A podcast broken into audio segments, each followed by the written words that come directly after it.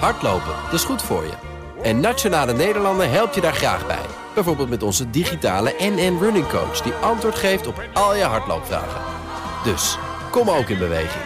Onze support heb je. Kijk op nn.nl slash hardlopen. Buitenlandcommentator Bernard Hammelburg en Europa-slaggever Geert-Jan Haan zijn bij ons. Mannen, goedemorgen. Goedemorgen, Bas. Ja, dit weekend is die top in Jeddah, in Saudi-Arabië. Uh, Rusland en China zijn er niet uitgenodigd, de andere BRIC-landen wel. En Zelensky heeft de uitnodiging verstuurd. Hij gaat zijn 10-puntenplan nog eens in, inbrengen. En hij is er enthousiast over. Maar laten we eerst even kijken naar Oekraïne zelf, Geert-Jan. Hoe is de afgelopen nacht verloren? Want de afgelopen nachten zagen we drone-aanvallen over en weer. Ik heb nog geen uh, meldingen gezien of veel meldingen gezien van aanvallen op de graaninfrastructuur in Zuid-Oekraïne. Um, ik heb wel gezien dat er uh, veel drones boven Kiev waren, de hoofdstad, dat die ook zijn neergeschoten. En de statistieken daarbij dat dit de achtste nacht op rij is dat Kiev uh, wordt bestookt uh, door uh, drone-aanvallen. En het is de 820ste keer dat de hoofdstad ehm, met een luchtaanval te maken heeft sinds het begin van de oorlog. Mm. Dus alsjeblieft. Ja, dank u. Nou, eventjes naar Zelensky. Die ziet die, die top in Jeddah als een, ja, een opmaat eigenlijk naar een vredestop in het najaar. Hoe, hoe komt hij daar toch bij? Omdat hij uh, enthousiast is over dat hij al deze partijen in Saudi-Arabië aan tafel heeft gekregen. Mm -hmm. uh, niet alleen vanuit uh, Europa of Noord-Amerika, maar ook van andere landen. En de insteek is natuurlijk zijn vredesplan, zijn tienpuntenplan. En dat gaat, en dat is misschien goed om te benadrukken, niet alleen over pure oorlog of vrede, maar in dat tienpuntenplan staat ook energiezekerheid en voedselzekerheid. En met name dat laatste, dat staat nu natuurlijk ter discussie en is ook iets waar andere landen ook echt last van hebben. We hadden natuurlijk eerst de aanvallen van Rusland op de energieinfrastructuur van Oekraïne, daarna de nucleaire chantage met de kerncentrales. Maar dit, die graan uh, infrastructuur vernietigen en uh, transporten. Ja, dat is waar de rest van de wereld ook last van heeft. En um, ik denk dat dit toch meer te sprake komt daar in Jeddah... dan dat we het puur over oorlog en vrede hebben. En ik denk dat Zelensky daarom ook blij is met um, ja, alle partijen die aan tafel zitten. Ja, precies. Bernard, hij is optimistisch over die aanstaande top. Zelensky, hoe denk jij daarover? Waarom, nou, waarom laat hij zich zo uit? Um, ik denk dat er verschillende redenen zijn. Inderdaad, in, in de eerste plaats is bij het lanceren van het plan, of het bekendmaken van het plan, er vond ik wel een interessante reactie gekomen van Peskov, de, de woordvoerder van het Kremlin. Mm -hmm. Um, en uh, je, je, zou denken, ja, die zijn niet uitgenodigd, dus die komen met een of andere cynische opmerking, maar helemaal niet. Die zei, wij kijken hier met zeer veel belangstelling naar en we zullen het ook uh, met belangstelling volgen. Met andere woorden, de Russen zeiden, ga je gang, maar wij vinden het best een goed initiatief. Dat is, dat is apart. In de tweede plaats, um, daar hebben we nog vaak over gehad uh, met z'n drieën. Uh, op het moment dat het woord onderhandelen in de mond wordt genomen, dan betekent het dat partijen um, vrezen of denken dat misschien de steun die ze krijgen niet eeuwig is. Um, en ik denk dat Zelensky tekenen wil geven dat hij inziet dat die discussies in het Westen, die steeds meer gaan over hoe lang gaan we hiermee door, hebben we het nog wel, kunnen we het nog wel betalen, zijn we niet onze eigen um, defensie aan het cannibaliseren, allemaal van dat soort dingen.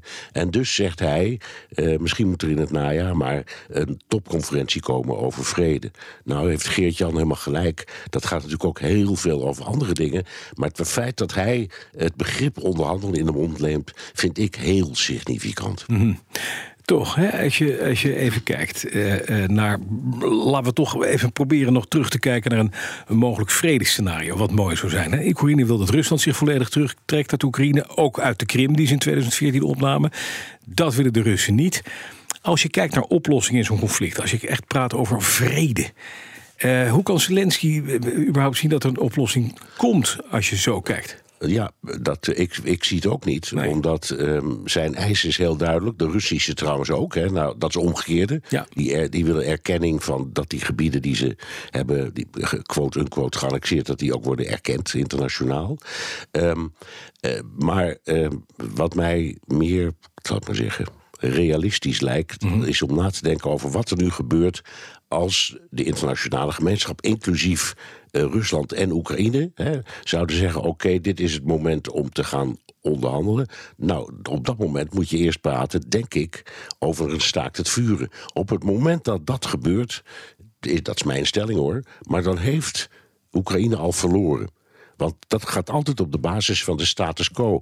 Gesteld dat het vandaag gebeurde. Nou, de Russen zitten waar ze zitten. Ja. Eh, die zijn niet van vandaag of morgen weg, zijn ze ook niet van plan. Dus uh, de Oekraïne praat dan over vrede voor een kleiner land dan wat ze vinden wat ze, willen. Dat ze, ja. wat ze toekomt. Dus ja, uh, dat, is, dat is het gevaar. Ja. Het woord hè, op moment, wapenstilstand betekent naar mijn idee Rusland wint. Ja, dat ik kan me voorstellen. Dan even Jan iets anders. Want ja, die, Zelensky zegt dit allemaal. Maar tegelijkertijd hebben ze een ruzie met Polen. Want het, het land wat Oekraïne juist zo graag uh, steunt. Of erg aan het steunen is. Waar zelfs piloten worden opgeleid. En anderzijds, er is nu wat fitty. En de Polen die zijn, die zijn zeer gespannen. Hè? Die zijn bang voor uh, Wagner-personeel. wat langs de grens met Belarus is samengetrokken, et cetera. Wat is er aan de hand? Ja, die ruzie tussen Oekraïne en Polen heeft niet zozeer met Wagner te maken, nee. maar de manier waarop Polen ermee omgaat op zich wel. Heel kort, Oekraïne heeft de Poolse ambassadeur op het matje geroepen. Want um, het begon met het hoofd internationale zaken van de Poolse president Duda. Die had gezegd: Oekraïne mag wel eens wat dankbaarder zijn voor al onze steun. Nou, we kennen dat, dat verhaal nog misschien van Ben Wallace, die ook zoiets een paar weken geleden zei: hè, van Oekraïne moet niet denken dat net als op Amazon je uh, munitie kunt bestellen en het de dag later allemaal is. Dus oké, fair point van Polen. Alleen Oekraïne um, ja, re reageert er altijd wat heet gebakerd op. Vindt dat dat soort opmerkingen ook niet zoveel nut hebben. En die hebben dus vervolgens de ambassadeur op het matje geroepen. Nou, heeft weer boze reacties uit Polen opgeleverd. En waarom? Eén, uh, uh, deze fitty is er omdat, zoals ik zeg, Oekraïne niet altijd even handig met deze diplomatieke kritiek omgaat. Twee, uh, deze landen zijn buurlanden, maar hebben ook om historische redenen wel eens wat mot met elkaar. Mm -hmm, nou ja, ja dat, daar zijn ze nu wel overheen gestapt bij deze oorlog. Um, maar punt drie, niet vergeten, daar zijn ze weer, de verkiezingen in Polen. Waarbij de huidige regeringspartij PiS, uh, met meneer Kaczynski en Morawiecki aan het stuur, die hebben doordat ze op de rechterflank in Polen uh, een, een andere partij in opmars zien. En die partij die is voor minder steun naar Oekraïne. Dus het is ook vliegen afvangen en duidelijk aangeven: Polen is er voor de Polen. En dat gaat dan ten koste van de Oekraïne. Dus ik denk dat dit soort fitties de komende maanden nog zullen blijven. Mm -hmm. Um, zoals je ook in andere landen, denk ik, het thema Oekraïne aan de verkiezingstafel ziet. Maar ja, ja dit is natuurlijk een buurland dat heel veel steun biedt. Dus ja. uh, het valt op. Ja, dat is iets dichterbij.